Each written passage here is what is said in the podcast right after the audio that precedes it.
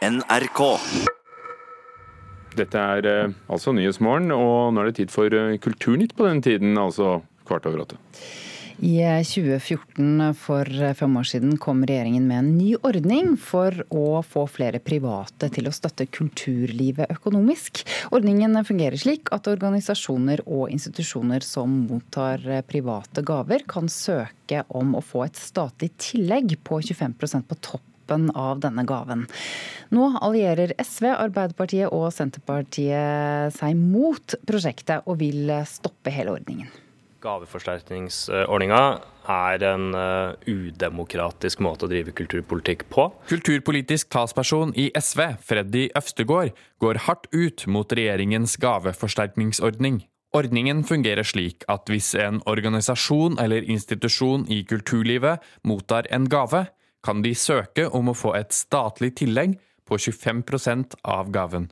Eller for å si det enkelt, får du en hundrelapp fra kompisen din, kan du gå til mamma og pappa og be om 25 kroner ekstra.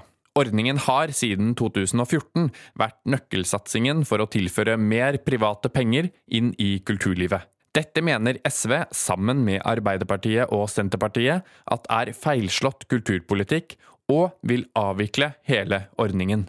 Ja, det er fordi vi ser at halvparten av tilskuddet går til bare 20 mottakere. Så her samles pengene på ganske få hender. Og det mener vi er med på å ødelegge litt for den kulturpolitikken vi har pleid å føre i dette landet, om at alle skal ha et godt kulturtilbud uavhengig av hvor man bor. En av dem som har fått tilskudd som følge av ordningen, er Baroniet i Rosendal i Hordaland.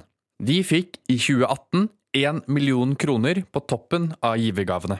Den har vært så kjærkommen, fordi den har jo virkelig eh, gitt inspirasjon og entusiasme til givere dette at det offentlige blir med med påskjønnelse på denne måten. Ifølge direktør Anne Grete Honerød har det ekstra tilskuddet hatt mye å si for dem. Og Vi har jo gjennom mange år nå hatt store, store prosjekter på gang. Store utfordringer både med hensyn til forvaltning og fornying av Baroni Rosendal, som jo er et samlebegrep for et unikt nasjonalt kulturmiljø. Honerød er redd for hva som kan skje om ordningen forsvinner. Da er vi jo bekymret for at giverne vil sitte med store spørsmålstegn. Hva vil det offentlige?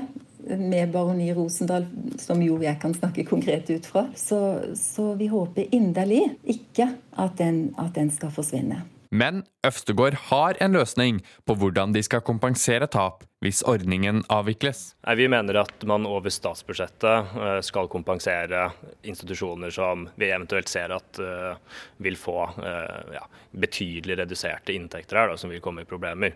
Kulturminister Trine Skei Grande understreker at det fortsatt er departementet som bestemmer hvem som skal få gaveforsterkning, og at dette har ført til økte midler til norsk kulturliv. Dette har ført til 1,5 milliard mer, og det er vi som bestemmer hvor pengene skal gå. Annet enn de private pengene bestemmer jo de private hvor skal gå. Men eh, hvis vi ikke hadde hatt denne ordningen, så tror jeg kanskje ikke vi har fått inn så mye private heller. Grande ser at noen er bedre enn andre på å få private gaver, men mener dette fører til mer penger for norsk kultur. Det som vi har sett, er at eh, en god del museer har blitt veldig mye flinkere til å få inn private gaver. og 1,5 milliard, det betyr noen ting i norsk kultur. Øystein Drabløs og Petter Pettersen eh, hadde laget dette innslaget.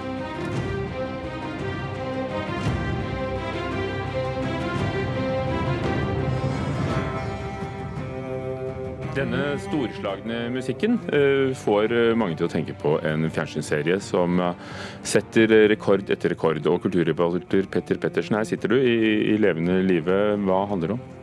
Eh, du, denne ukens episode som ble sluppet natt til mandag, av, den, eh, av Game of Thrones, flott, ja. Den, den, har blitt sett hittil av hele 17,8 millioner amerikanere. Og det er da en ny rekord i hele denne åtte sesongers lange seriens historie. Og den slår med det forrige rekord, som også er fra denne sesongen. Altså selve åpningsepisoden av sesong åtte av Game of Thrones, som hadde 17,4 millioner amerikanske seere. Og med det er den større enn både Skam, Vestavind og Matador til sammen. Vet vi noe om hva den har kostet? Du, den, eh, det ble kjent også tirsdag at den har kostet hele, denne sesongen da, har kostet hele 750 millioner kroner å produsere. Eh, og, men eh, det ser ut til at de fortsatt har publikum med seg, med seerrekorder. Og, og, med denne episoden som er hele 82 minutter lang, altså hele seriens lengste episode, har også brukt, de har brukt altså 11 uker med, med å få den ferdig ferdig.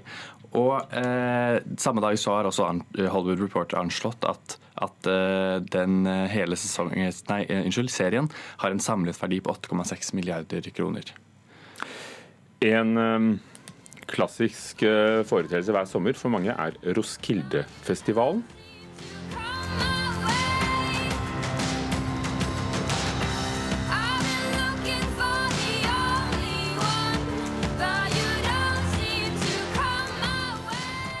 Og en av dem som skal dit, og til og med får betalt for det, er Aurora Aksnes, som vi hører her. Eh, hva eh, vet vi nå om programmet for sommeren? Du, Det siste artistslippet til Roskilde-festivalen i Danmark ble altså sluppet eh, nå. og Der var det ti artister, deriblant Aurora Aksnes. Eh, norske Aurora Aksnes, altså. Eh, og også australske Empire of the Sun og britiske Shame. da. Um, og Aksnes føyer seg da inn i rekken av flere norske artister som spiller på Roskilde-festivalen i år. Vi har også også som, artister som Lill Halima, Unge Ferrari og Lemaitre som skal opptre der senere i sommer. Roskilde i Danmark, altså. Takk skal du ha, Petter Pettersen. En eh, historisk eh, maktkamp mellom eh, Maria Stuart og Elisabeth den første kommer nå til filmlerretet. 'Mary Queen of Scots' er et kongelig drama med historisk sus, selv om ikke alt nødvendigvis er, er helt historisk korrekt. Og vår filmkritiker Birger Vestmo synes at det er så mye som skulle vært sagt her, at den burde vart i tre timer, og ikke bare to. Do you think it might stand with my honor to marry my sister's subject? It is true that an earl is not a prince. Surely there can be no greater honor than to match yourself with a nobleman, by whom you inherit such a kingdom as England. I have such inheritance by blood, regardless of who I marry or do not marry. Historien om Maria Stuart og dronning Elisabeth den første inneholder alle nødvendige elementer for å skape et engasjerende drama med historisk sus. Man forstår hvorfor manusforfatter Bo Willimon lot seg interessere av dette materialet. Han er skaperen av House of Cards, og akkurat som i den dramaserien handler det her om maktspill og intriger, der den mulige gevinsten er like stor som fallhøyden. Regissør Josie Rorke har skapt et godt historisk drama som tar seg visse friheter, men forteller underholdende og engasjerende om en avgjørende epoke i britisk historie. Mary Queen of Scots heves av storspill fra et mektig ensemble med Sosha Ronan som et formidabelt midtpunkt. We must discuss succession before marriage, not the other way around. We hope we do not vex the earl. Not in the least, madam. I appreciate your honesty. Filmen starter når den katolske dronninga av Skottland, Maria, returnerer til hjemlandet i 1561 etter flere år i Frankrike. Den protestantiske dronninga av England, Elisabeth den første, spilt av Margot Robbie, føler seg trua av søskenbarnets potensielle krav på tronen. Det settes i gang et intrikat spill med skjulte motiver, skiftende allianser og en konstitusjonell krise. If you grant her succession, we are rewarding her disobedience. What disobedience? She is not our subject. And yet you would make us hers. Manusforfatter Williman har tatt utgangspunkt i John Guys biografi 'Queen of Scots', 'The True Life of Mary Stuart', men har både endra og dikta. Filmen er derfor kanskje ikke historisk korrekt, men er uansett en spennende historie som aldri blir et direkte tørt historisk drama. Noen hendelser bygges riktignok opp for kjapt og er nesten over før man rekker å prosessere all informasjonen, og ikke all i det tallrike persongalleriet får tid og rom til å gjøre mer enn flyktige inntrykk. Det her føles av og til som en tre timer lang film som måtte klippes ned til to. Likevel er Mary Queen of Scots ganske medrivende når man ser de store historiske linjene og de menneskelige kostnadene bak avgjørelser med store konsekvenser. Filmen kan minne om den glimrende BBC-serien Wolf Hall, som òg handla om kampen om den engelske tronen bare noen tiår tidligere. Mary Queen of Scots er kanskje ikke like skarp i sine skildringer av hensynsløst maktspill og kongelige intriger, men når den er på sitt mest dramatiske, har den få problemer med å holde på seerens oppmerksomhet. I shall respect Elizabeth's crown as soon as she names me its successor. Uh, Madam, my If queen she has will any not... concerns about this proposal, she may express them to me directly. Terningkast fire. Mary Queen of Scots på norske kinoer i morgen. Birger Vestmo hadde sett den, og så kan du jo altså lese om alle ukens filmpremierer, for det er langt flere filmer som kommer på kinoene på Filmpolitiets sider på nrk.no.